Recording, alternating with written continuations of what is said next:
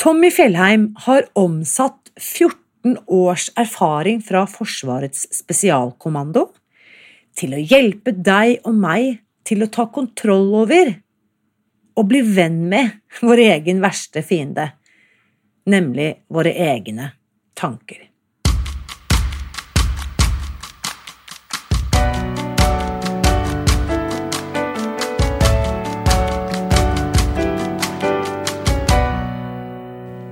Navn er Irina Lie. Jeg er journalist og forlegger, gründer og sosialentreprenør. I 2015 spiste jeg meg fri fra overvekt og fedme etter å ha slitt med vekt, kropp og følelser i nesten 30 år. Etter at jeg fant oppskriften på å spise meg fri, ga jeg meg selv et nytt oppdrag – å dele denne kunnskapen med alle som trenger det. I første sesong av denne podkasten deler jeg hele lydboken Spis deg fri. Den finner du ved å bla deg tilbake i arkivet. Og hver uke inviterer jeg nå gjester som gir deg påfyll til hodet, hjertet og magen. For min visjon er å endre Helse-Norge. Det får jeg ikke til alene. Du kan bidra ved å abonnere på podkasten, skrive en omtale i iTunes og dele denne episoden med noen du bryr deg om. Da setter vi i gang med ukens episode. Hvis det er én mann jeg ville tatt med meg i krigen, for å si det sånn, så måtte det vært dagens gjest. Som del av Marinejegerkommandoen og Forsvarets spesialkommando, FSK, så deltok Tommy Fellheim i skarpe oppdrag over hele verden. Med utgangspunkt i sine egne erfaringer og strategier og teknikker eh, fra militære operasjoner, så har han de siste årene jobbet med å formidle kunnskap om mental trening. Kundelisten hans inkluderer alt fra bedrifter og organisasjoner til næringslivsledere og toppidrettsutøvere. Det som likevel fascinerer meg med måten Tommy deler sin kunnskap på, er hvordan han gjør disse mentale strategiene tilgjengelige og forståelige for helt vanlige folk, sånne som deg og meg. Og Før du skal få møte Tommy, så vil jeg gjerne lese opp en tilbakemelding fra en lytter som nylig la igjen en omtale av intervjuet jeg hadde med Anja Hammerseng Edin for noen uker siden. Toril skriver følgende. Jeg har hørt på podkasten Slik trener du tankene dine. Det var svært inspirerende og nyttig, med henblikk på å få bukt med tankespinn og negative tanker om meg selv, skriver Toril. Så her må jeg bare si tusen takk for denne tilbakemeldingen, eh, Toril. Og hvis eh, du som hører dette, gikk glipp av mitt intervju med Hanja, så finner du det ved å gå til spisdegfri.no – 36. Kjære Tommy. Jeg er så glad for at du vil være med på podkasten. Ja, det er kult. Fordi um, vi må bare si, uh, grunnet omstendigheter med begrensninger på hvor vi kan møtes, så sitter vi nå i en bil. Dette er blitt det nye lydstudioet. I en bil på Fornebu og ser utover vannet. Men du, Tommy, uh, før vi begynner, uh, fortell litt til de som ikke kjenner deg ennå. Fortell litt om deg selv. Ja. Mm. Stor bestilling. ja, men det er vel lett å begynne med liksom hva man har gjort, da. Uh, og ja, jeg er en Oslo-gutt som uh, hadde en drøm om å bli elitesoldat. Veldig sånn opptatt av krigshistorie fra annen verdenskrig. Leste mye sånt da jeg var liten. Og spesielt når jeg besøkte besteforeldrene mine. Fikk høre historier og alt. Syntes sånt også den delen her var spennende. Ja, og så En lang historie kort, så endte det opp med at jeg ville bli elitesoldat. Og da fikk jeg høre om uh, fallskjermjeger først, og så fikk jeg høre om marinejeger. Og så så jeg en film om marinejegerne på, på TV2, husker jeg. Operasjon sabotasje. uh, og da var det liksom Det var marinejeger jeg skulle bli. Så så satte jeg meg det som mål, jobbet mot det. Uh, og så kom jeg inn, og da jeg kom inn der, så fikk jeg høre om Forsvarets spesialkommando, som den gangen kun rekrutterte fallskjermjegere og marinejegere. Og um, da ville jeg jo dit, for det var liksom enda et hakk uh, videre for å, for å, bli noe um, Ja, noe spesielt. For det var det jeg ville. Jeg ville liksom gjøre noe som ikke alle fikk til. Og det var utrolig kult å ha fått til det. Så der var jeg i ja, spesialstyrkene til sammen 14 år. Vært mye ute og reist. Um, altså Du har vært oppdrag. med på alle de oppdragene som vi vanlige folk ikke har hørt om engang. Som, ikke, vi som ikke leser om i avisen, fordi det er så hemmelig at det er bare dere som er der, som vet om det omtrent. Ja, Pluss statsministeren og forsvarsministeren. Det har vært mange oppdrag. Nå har jo Forsvaret også letta mer og mer på å fortelle og dele. Og det syns jeg er bra, for det er utrolig mye godt arbeid og mye, altså mye risiko. Mye dyktige folk som er ute og løser oppdrag. Da. Eh, For at vi, som jeg tenker, at vi skal kunne ha det bra her hjemme i landet vårt og i samfunnet vi lever i generelt. Så, så det er jo Det syns jeg, synes jeg er en bra sak. Um, så ja, det har vært en del reiser ut. La oss kalle det reiser. Det høres ut, det er ikke, Jeg vet såpass at det har ikke vært vanlige feriereiser ut i verden. Det har vært eh, alt annet enn. Fordi nå er det snart ti år siden, vel, at du sluttet. Ja. Um, ja, det er ti år siden, det er ti år siden. faktisk. Nå til sommeren, da. Ja. Wow, tida går fort. Gratulerer med ti år i det sivile liv. Fordi du hadde ikke vært utenfor eh, si, Forsvaret så veldig lenge før vi møttes første gang. Eh, og da hadde du, da hadde du begynt eh, som konsulent og hjalp Du hadde tatt teknikkene dine fra Forsvaret og alt det du har lært der, sammen med en solid lederutdanning du har tatt, og du hjalp andre. holdt jeg på å si, Både vanlige folk og næringslivsledere og andre til å ta med disse mentale teknikkene som du har med deg fra Forsvaret, til å håndtere hva skal vi si, virkeligheten eller hverdagen bedre. Er det på en måte ganske Ja. sånn Ja, det var det. Og, og det var jo en reise i seg selv, å så forstå egentlig hva det du kan. Um, så når vi møttes og på bokprosjektet Ja. Det kan du jo si Ja, fordi at eh, på den tiden så skrev jeg bøker både holdt jeg på å si, for meg selv og andre. Og jeg husker når eh, Kagge forlag kontaktet meg og spurte om jeg var interessert i å skrive en bok om mental trening. Da hoppet jo jeg opp og ned i stolen, for det var jo ingenting jeg heller ville enn å skrive en bok om mental trening. Og i tillegg til at jeg da skulle få lov til å gjøre det eh, på en måte sammen med deg, det var jo helt Det var virkelig en, eh, en opplevelse. Og det resulterte i bestselgeren Tenk som en kriger. Skal vi se, nå var det jeg sitter med den her. Nå var det den kom da. Den er til salgs fortsatt. Det er bare å løpe og kjøpe. Den kom i 2014. Ja. Så jeg tror vi to møttes første gang i 2012 eller 2013. 2013. Vi, 2013. Ja, for vi, vi var ganske effektive når vi jobbet. Og det var morsomt. Og, og mye av det den Altså det å skrive den boka hjalp meg med, og, og det å jobbe med deg, var jo for det første de spørsmålene du kom, du kom til meg. Eh, Ting jeg tok litt for gitt, var litt for uh, overfladisk på, fordi det ga mening for meg. Uh, Så det var kjempenyttig. Da fikk jeg liksom oversatt mer av det jeg kunne, men også ble enda mer bevisst en del av det. Så det var Det er kult at du sier, for det er jo noe av det jeg har funnet ut som journalist, er at hvis jeg ikke forstår det du forteller meg, så er ikke jeg i stand til å skrive det på en måte som andre kan forstå. Så jeg fortsetter å stille deg spørsmål helt til jeg faktisk forstår. Og det gjør også deg til en bedre formidler, for da må du forklare det samme på ti forskjellige måter. Ja. Og det var jo kjempekult i den prosessen, hvor, vi, hvor jeg fikk lov til å tømme din hjerne for alt det du kan og vet. Eh, og, og på en måte så skrev vi denne teksten sammen, og det var jo en kjempegøy prosess. Tenk som en kriger, den, den anbefales på det varmeste. Og så må jeg bare si det. I denne boken så lærer du bort en del teknikker, og det er så kult, for du, du Altså Her er det en blanding av både personlige opplevelser fra felten, da, for å kalle det det, og hvordan det er overførbart i virkeligheten. En av de tingene jeg har tatt for meg, Tommy, siden 2013, det er det verste du kan gjøre, er å ikke ta et valg. Fortell hva kan det bety når du er ute på et skarpt oppdrag. Eh, hva vil det si som elitesoldat hvis du ikke tar et valg? Hva er det du risikerer da? Aller først vil jeg si at et valg kan være å ikke gjøre noen ting, men at det er et valg, da. Um, Det er viktig, for mange tenker ofte at det innebærer at man må gjøre noe. men at du er bevisst hva som er neste steg.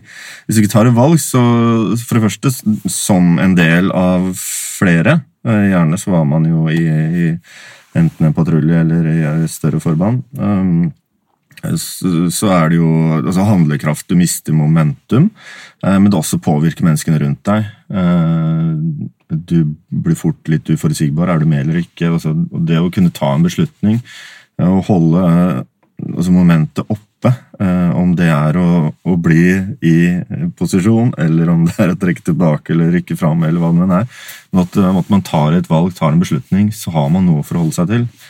Um, det å ikke bli tatt, da skaper man tvil og usikkerhet. og Ofte så blir den veldig mer forsterka, og jo sterkere den blir, jo vanskeligere er det å komme til å ta et valg. Mm. Um, da er det plutselig noen andre som tar et valg for deg. og så enten at situasjonen endrer seg, så du må gjøre noe, uh, men du mister det initiativet som gjør at man uh, opprettholder en form for uh, kontroll.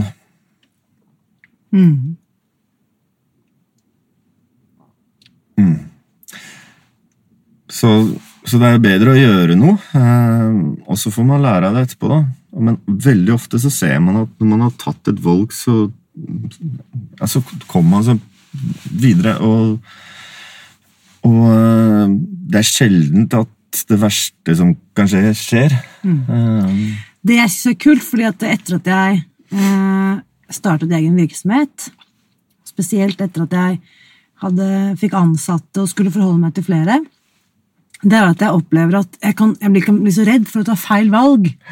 Så da lar jeg være. eller da på en måte. Men så har jeg skjønt at jeg må gjøre det motsatte. Jeg må ta et valg, erfare at det var dumt, og så kan jeg ta et nytt valg.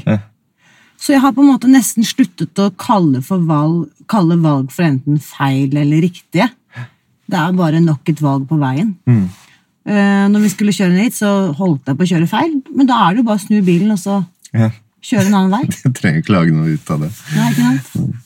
Men en, en, ting jeg har lyst til å si i forhold til det med valg, det var eh, Arve Johnsen var heldig å møte noen ganger. og Han var med å grunnlegge Statoil, eller Det norske stats oljeselskap, tror jeg det var. Eh, det het.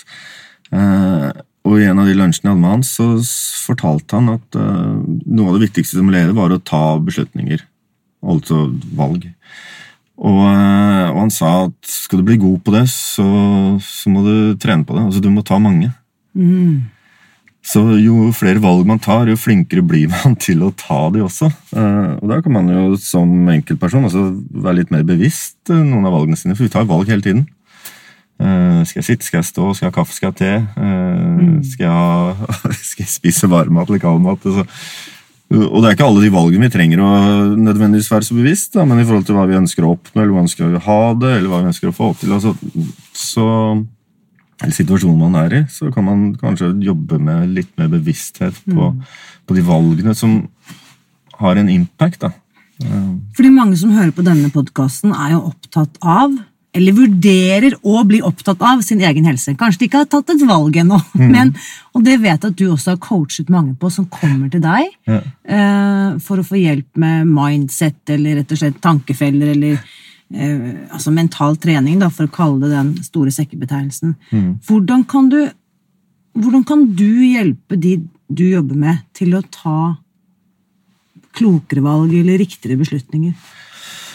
Mm. Nei, det er ulikt ulike måter å jobbe litt på der, sånn, men det ene er ofte så, så kommer folk, og så håper de litt sånn uh, ubevisst, kanskje i større grad enn bevisst, at jeg skal ta valget for dem.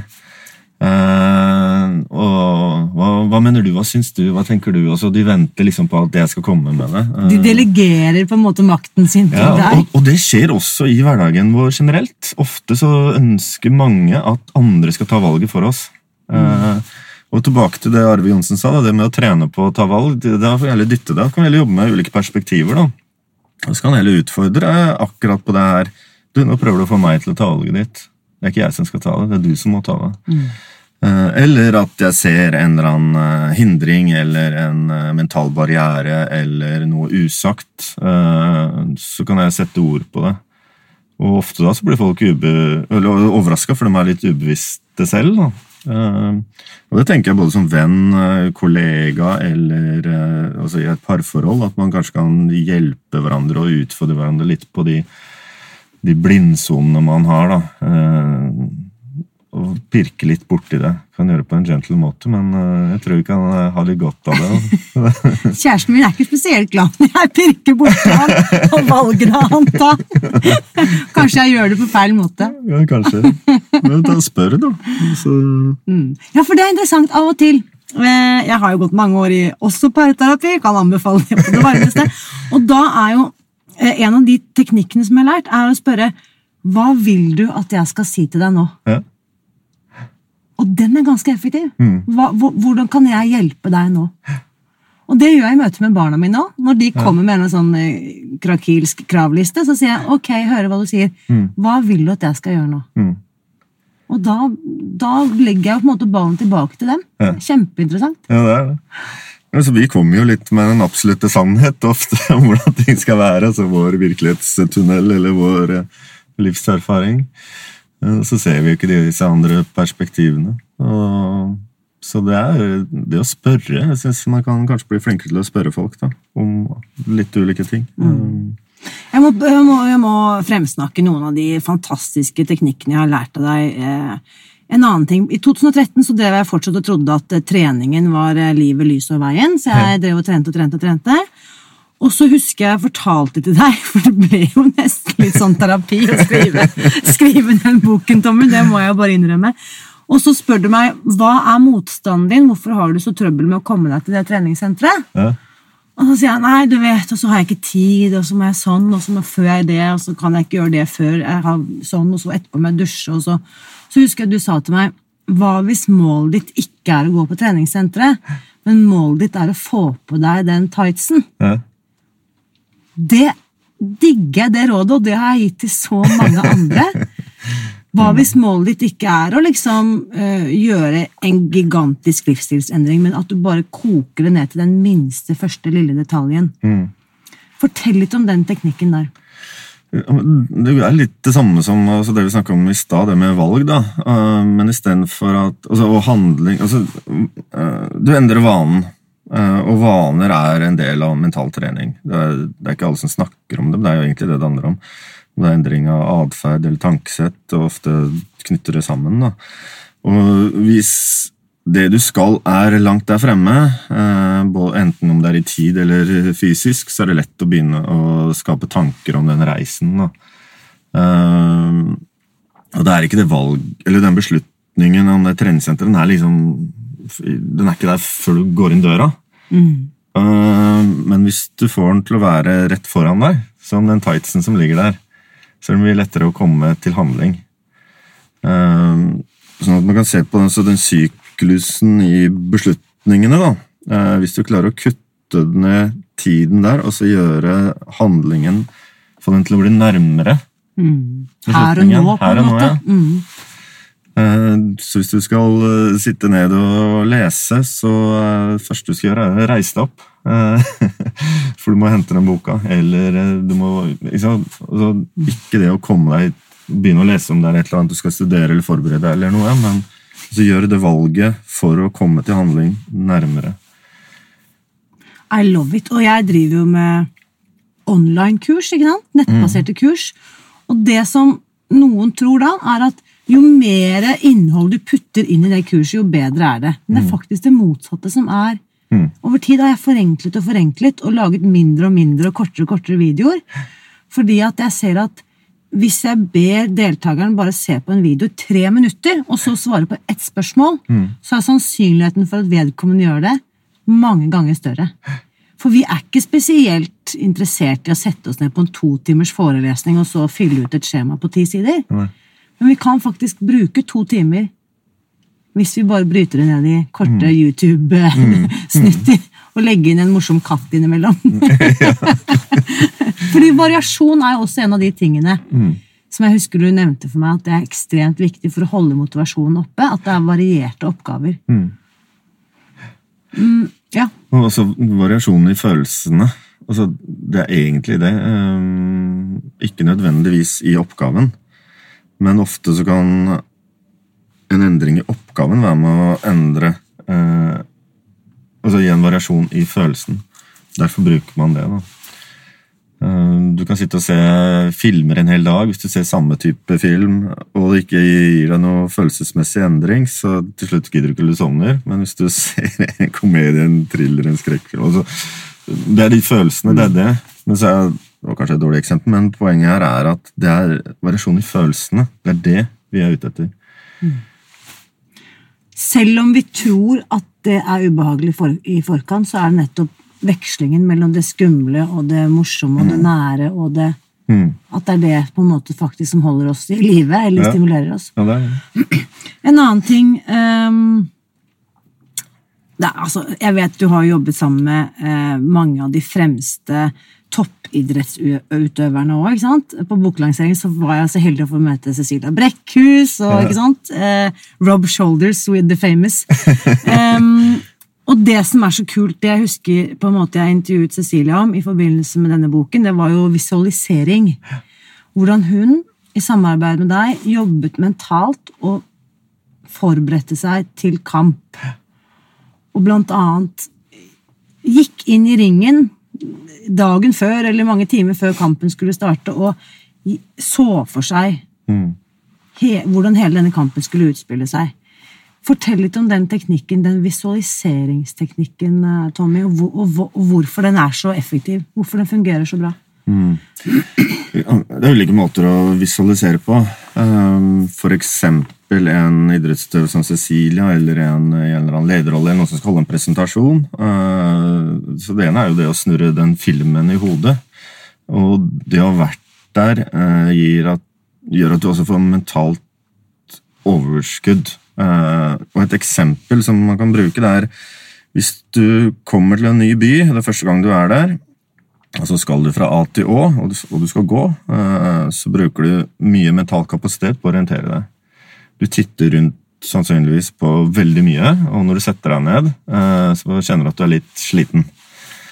Eh, Fordi du bruker mye altså observasjon, orientering, tanker osv. Men hvis du kunne snurra den filmen i hodet, da, kanskje titte på et kart, kanskje se noen bilder. Eh, så begynner du å, å forberede deg på det, så du har vært der før, du har sett det før. Eh, noe som gjør at du vil redusere Altså bruke den mentale kapasiteten. Eh, når du har gått Første gang du går til jobb, en ny jobb, eh, så bruker du mer mental kapasitet enn når du har gått der tusen ganger. Da legger du ikke merke til eh, tingene. altså det, Automatikken slår inn, og du er ikke like sånn, mentalt sliten når du kommer frem. Derfor kan men, altså visualisering være en god måte å, å jobbe på, så ha vært der før, sett det for deg. Eh, Med utøvere, men også med ledere som skal holde presentasjoner, eller om en utøver skal ut i en kamp som Cecilia eller Jack Hermansson har også jobbet med. Hvis de i tillegg kan gå der fysisk og legge på visualisering, da, legge på der filteret med publikum, med lyder osv., så, videre, eh, så kommer man enda nærmere virkeligheten. Altså for du har faktisk vært i den salen eller eh, det rommet eller dit du skal. Eh, Og så kan du egentlig altså, med fantasien legge på mennesker, lyder. Så det å få med mye sanser, men så spørs det jo litt hva det er du skal se for deg òg, da. Noen ganger så er det viktig å få med så mye som mulig, andre ganger så er det mer kanskje å snurre ned filmen og se hvordan vil det her utløpe seg.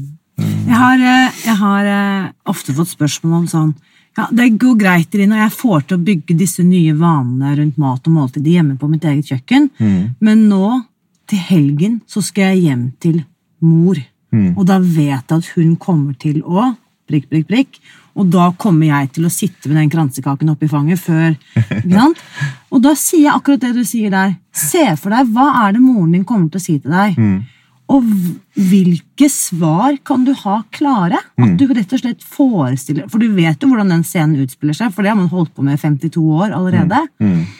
Og akkurat den teknikken er det melder så mange tilbake at det har vært så stor hjelp. Se for seg hva som kommer til å skje, hva er det verste som kan skje. da? Og hvordan velger jeg å reagere da? At jeg har skrevet et manus, da, på en måte klart. Sånn, eh, sånn kan man også bruke altså, Hvis man skal jobbe med seg selv, så, som mental trening på 1, 2, 3, så pleier jeg å si altså forstå årsaker. Altså grunnen til at ting skjer. Hvorfor reagerer jeg sånn i møte med min mor, eller i møte med en kollega, eller eh, noe? Eller hva kan årsaken være til at de gjør det? Um, og så se for seg scenarioene. altså Hvilke situasjoner er det? Der kommer liksom bevisstheten inn også. Eh, det er typisk de temaene. Eller det er når det er sånn og sånn. Og jeg vet årsaken hvorfor. Det er ofte på grunn av uh, uenigheter, eller hun ser på meg fortsatt som et barn, eller noe annet. Og så er det tiltak. Ok. Hva, når det oppstår, da? Hva kan jeg gjøre da? Hva er planen min for å håndtere det? Um, og det er akkurat de der tre triggerordene her som kan du bruke på mange ulike måter. Um, hvis du ønsker å endre en vane, om det er å komme på trening eller ikke, eller spise vaner, eller hva, hva det skal være. Altså, hva, er grunnen til at jeg får det søtsuget? Uh, og forstå litt bakgrunnen for det. Hvilke typiske situasjoner er det oppstår? Mm. Det er der, ja. Ok. Hva er tiltaket mitt? Uh, hva kan jeg gjøre nå, i forkant? Men med å også jobbe på den måten her, sånn, så vil det øke sannsynligheten for å kunne kjenne deg inn i når du er på vei inn i den fella. da, Eller inn i den situasjonen. Eller at du plutselig er der. Åh, nå står jeg her med den kransekaka jeg har tatt to biter allerede. Det var, var det her jeg skulle unngå. Og så kan du stoppe, da. Og da kan du bruke det tiltaket i planen din. Ok, avstand. Det var det her jeg ikke skulle gjøre. Mm. Jeg håper alle fikk med seg nå mental trening på 1, 2, 3. Jeg har notert dem her. Punkt 1. Forstå årsaker. Punkt 2. Se scenarioene for deg. Og punkt 3. Bestem deg for tiltak. Mm. Og det er utrolig kult, for dette sammenfaller med et verktøy som jeg underviser på kursene mine, som heter VOP. Ja. Jeg vet ikke om du har hørt det uttrykket? Det er en engelsk forkortelse som står for uh, wish. Altså hva ønsker jeg å oppnå? Du begynner der da, med the end goal in mind. ikke sant? Dette ser jeg for meg. Og så hva er mitt ønskede utkomme, outcome? Hvor jeg på en måte Jo, da hopper jeg jublende glad ut fra svigermor sin uh, søndagsmiddag og har ikke rørt et eneste kakestykke. Og da kommer jeg til å gi meg selv klapp på skulderen, high five, ringe til min beste venn og si at jeg klarte det. Ja. Uh, obstacle, hva er hindringene? Altså Det er to ord her. da, Vopp. VOP. Mm. Hva er hindringene? Jo, det er at hun kommer til å stå nærmest pjåte den der kakestykket opp i, mm. på, på, på tallerkenen min. ikke sant? Og så er det en P, som er selvfølgelig plan. Tiltak. Hva er planen min for å overkomme disse hindringene? Så jeg kan oppfylle ønsket mitt. da. Mm. Um, mental trening på 1, 2, 3, det var jo gull verdt. Uh, det, ja, det fungerer hvis man også gjør det enkelt. Og, og lag enkle huskeregler, f.eks. Eller bruk altså det jeg kaller landemerker. da. Steder i hjemmet eller ute, eller eh, ting man gjør som en påminnelse. For det er, det er derfor jeg, altså Vi trenger å trene på det. Og det er der folk svikter, stort sett. Altså det er den gjennomføringsevnen. Eh, fordi man enten gjør det for komplisert, eller ja, ikke endre på vanen. da. For du må tenke at det er en vane som skal endres. Så må du akseptere at det er en vane som skal endres. Og så må du også akseptere at noen ganger så plopper det opp uti det. Altså, det er, ikke, det er ikke gjort sånn. Mm. Jeg har en eh, god eh, mentor og venn som forteller meg at hver gang han går gjennom en døråpning, mm. så bruker han det som et landemerke, da, eller som et kjennetegn på at dette er en portal har han liksom kodet seg selv til å tenke. Ja. Og så spør han seg selv hva er det, hvem skal jeg være når jeg går inn gjennom den portalen? Mm.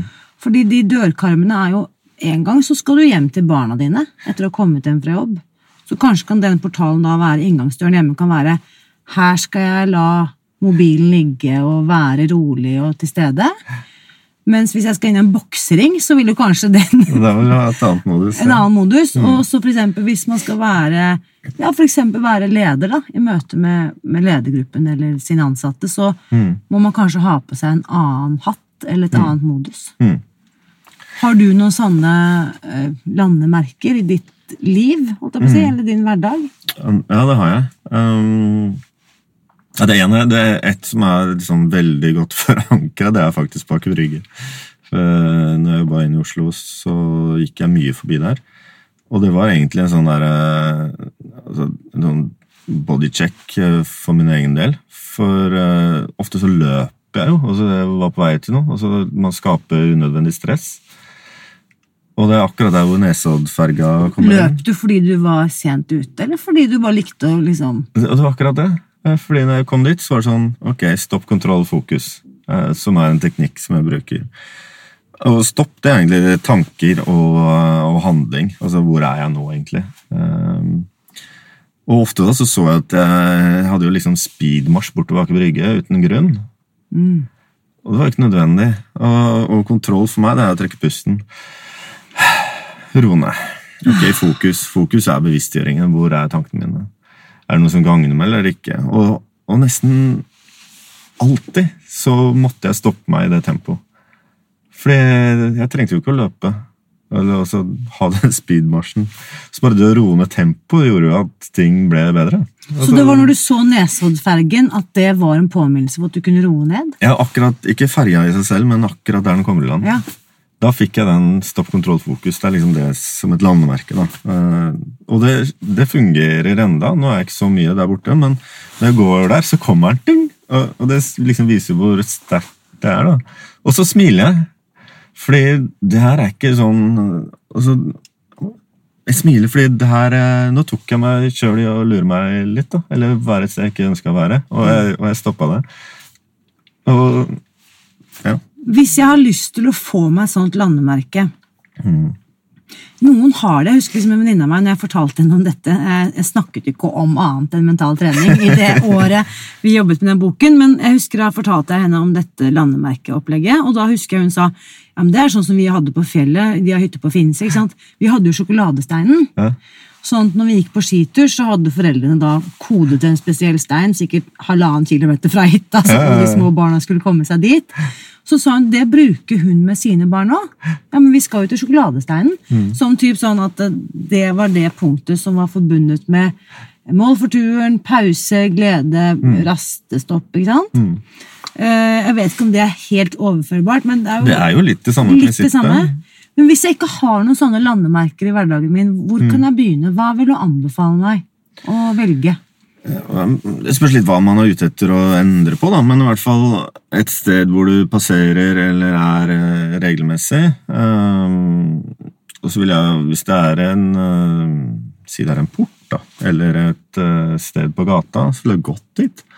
Og så stått der og sett, brukt litt tid på å se akkurat der. da, Og så ta inn 'her er det'. Og så tenke at hver gang jeg går forbi her, så skal jeg gjøre dette. Eksempel stoppe opp, trekke pusten, fortsette. Det kan være det lille her. Og så gjør man det. Man tar den stoppen. Altså man gjør det rent fysisk. Hvis jeg sitter her og tenker at den eh, flaggstanga som vi kan se, men ikke dere, på andre siden her, er hver gang jeg går forbi der, men ikke går bort dit, eh, så sannsynligvis vil jeg glemme det. Så det Så gjør det litt sånn rituelt. ja. er med. Den, den skjønner jeg. Jeg tror jeg trenger for min egen del er et landemerke som skiller litt klarere mellom jobb og, Mm. Jobb og hverdag. Eh, når er det jeg skal skru av og på? For at sånn som Jeg jeg blir jo så gira. Ikke sant? Jeg har syns det er så gøy på jobb. Ja. Så jeg kan, og det syns ikke nødvendigvis barna mine. eller kjæresten min. Ja. Så kanskje jeg kan bli flinkere til å skru litt av. Finne en eller annen Det skal jeg jobbe litt med, rett og slett. Mm. Jeg, tar den, jeg gir meg selv den utfordringen. Ja. Og da kan du tenke, altså, Hva er det jeg alltid gjør når jeg kommer hjem etter jobb? da? Eh, For eksempel bilnøkkel. Hvor er det henger den? Eller hvor er jeg gjør av den? Er det et sted? Kanskje du legger en lapp der. da, Et bilde, kanskje. Eh, Et eller annet da, som, For det er den påminnelsen som gjør at vi ofte glemmer det. Eh, Og da kan det også være i starten. At det kan være en derre Mm. stopp, kontroll, fokus, stå på en lapp eller et smilfjes eller noe annet. Så, Stopp, kontroll, fokus. Det, dette går også an å lese mer om i boken. og så eh, må jeg bare si, Tommy, fordi du sa jo her innledningsvis at du drømte om når du var liten å bli marinejeger eller elitesoldat eller fallskjermjeger. Men det du da faktisk, jeg husker at du fortalte meg, det du egentlig drømte om å bli, var jo stuntmann. ja, ja. Det hadde jeg. Jeg føler at jeg blei stuntmann. Og du ble jo faktisk stuntmann. Um, men fortell litt. um, nå er du Vi er akkurat like gamle, er vi ikke det? Jo. 44? Um, hva er Jeg tenker du har reist verden rundt, du har vært med på helt elleville opplevelser. Ekstremt og s- Altså på, du har vært med å bygge opp selskaper. og? Du har gjort en, har nå ti år bak deg da, i det private næringslivet òg. Hva er dine mål og drømmer, og hvordan fornyer du hele tiden dine egne mål? Eller, ikke sant, Du kan jo krysse av så mange ting på listen din som du allerede har oppfylt. Mm. Hvordan fornyer du, fornyer du deg selv, holdt jeg på å si? Godt spørsmål. Det er er alltid litt utfordrende å jobbe med seg selv. det er derfor det er greit å ha noen å snakke med. Eh, Men eh, altså, jeg ser på hva er verdiene mine, hva er det som er viktig for meg. Så tenker jeg også mye hvordan er det jeg ønsker å leve livet mitt. Det er det som ligger til grunn. Eh, Og, det å lære nye ting, eh, det er en viktig del. Og så trenger jeg variasjon i hva jeg lærer. Eh, Det kan ikke bare være om mennesker og utvikling, men jeg må også lære andre typer ting. Eh, Og så er det det å være med å skape noe. Det er en viktig sak for meg. eh, Å holde på med det. Så det er mer de har ikke de derre 'nå skal jeg bli elitesoldat'-type målene, men mer litt sånn kortsiktige ting som det er sånn, sånn gleder i hverdagen, faktisk.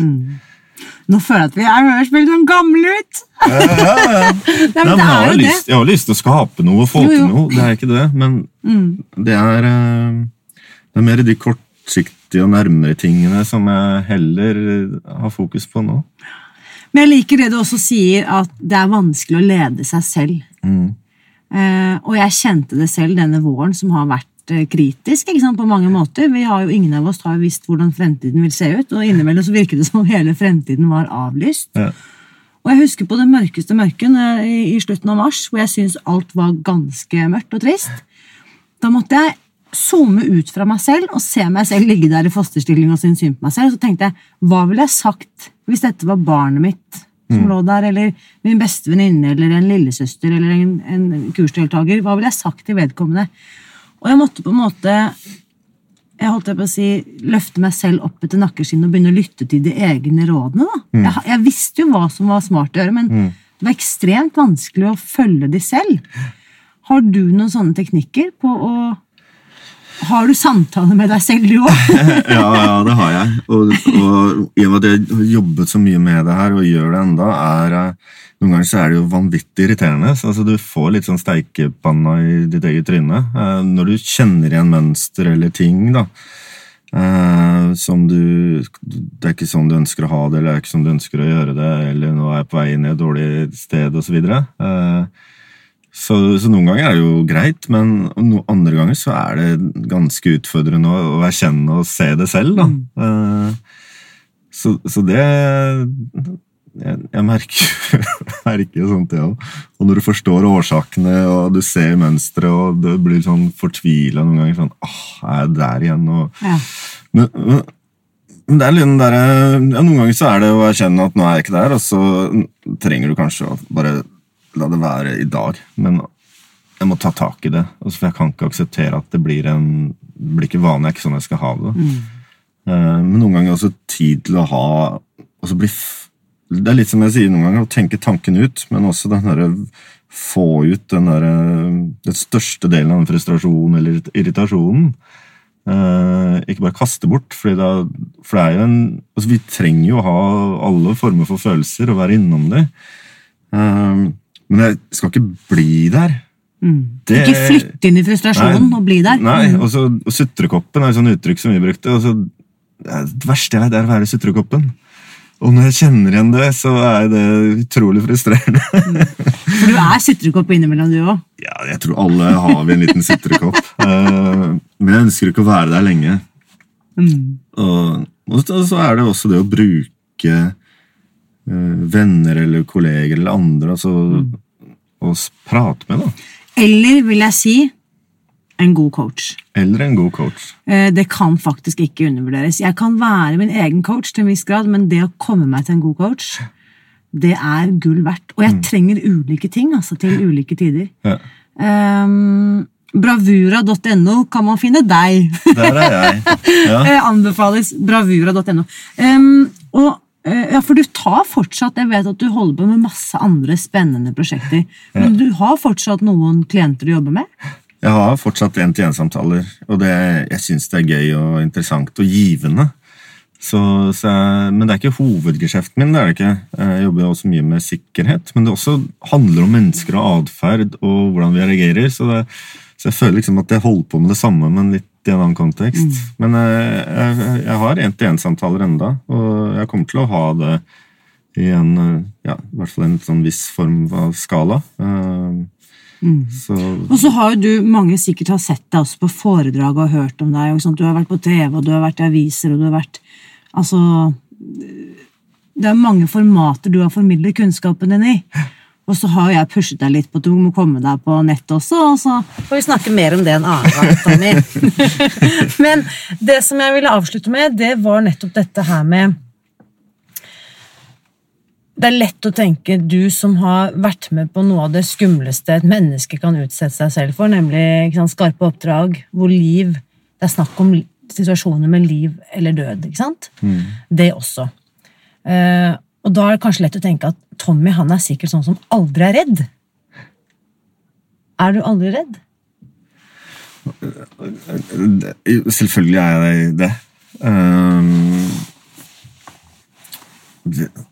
men jeg er kanskje mer redd for også, hva skal jeg si, sånne myke ting enn eh, en terror og de altså, Hvis vi kan kalle, lage skille på det.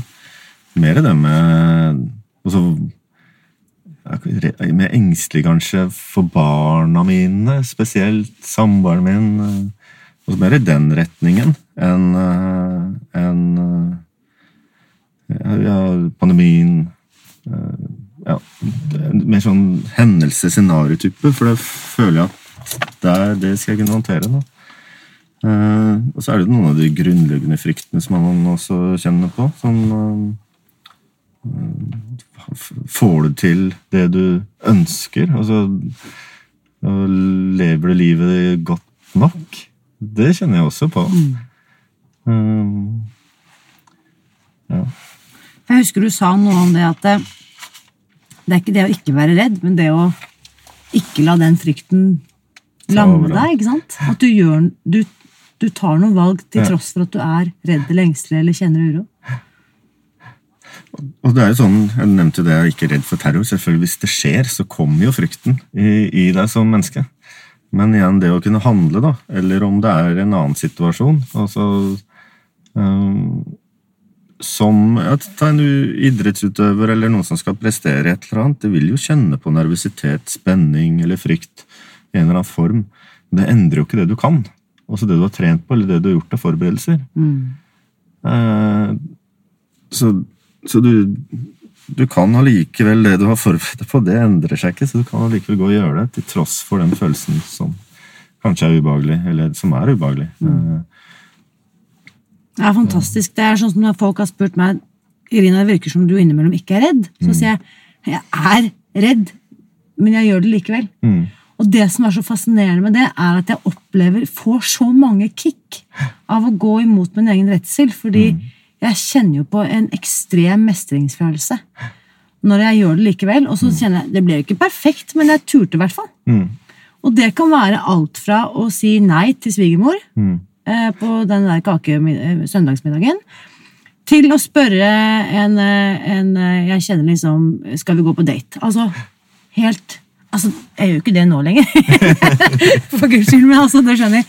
Jeg husker liksom det å skulle gå på date eh, når jeg var singel. Jeg syntes jo det var dritskummelt, ikke sant? men jeg gjorde det likevel. Mm. Takk og lov. For jeg tror veldig mange av oss begrenser våre egne liv fordi at vi ikke tør. Ja. Så bare dytte folk litt ut av komfortsonen, det, ja, det syns jeg er litt kult. Vi snakka om trene på valg tidligere i dag, og tren også på det. Altså, tren på det å gjøre litt av de ubehagelige tingene litt, mm. hver dag. litt hver dag. Så eksponerer du deg for det, og så øker du toleransen for det, og du lærer deg liksom at du kan mestre. Yes. Du kan mestre eh, mental trening på 1, 2, 3, og hvordan du kan bruke visualisering, og bruke gå mot frykten, og etablere landemerker Tommy, du må komme tilbake hver uke. altså, vi må snakke mer om alt. Um, akkurat mens jeg satt her, så nå jeg har jo bare skylaget brutt opp, og solen skinner. Hvis du skal gi folk ett siste sånn knalltips for å få litt mer sol, solskinn inn i hverdagen, hva vil det være, Tommy? Mm. Jeg, jeg tror eh, altså, takknemlighet, å snakke om det. Og så snakke om hva man er takknemlig for. Ikke bare ha det inni deg selv, men også fortelle det til noen. Fordi da deler du det også, og folk liker det. Uh, og det gir så mye mer tilbake enn at man bare går og holder på det selv. Fantastisk. I dag er jeg veldig takknemlig for at vi kunne ha denne praten. Og jeg er veldig glad for at uh, du ringte meg. Det var herlig. Det er ikke siste gang. Nei, nei. Tusen takk, Tommy. Takk for at du var med, og så snakkes vi snart igjen. Hvis du har lyst til å gi deg selv mentalt påfyll gjennom uken, så vil jeg invitere deg til å bli med i den åpne Facebook-gruppen Spis deg fri, hvor samtalen etter ukens episode fortsetter.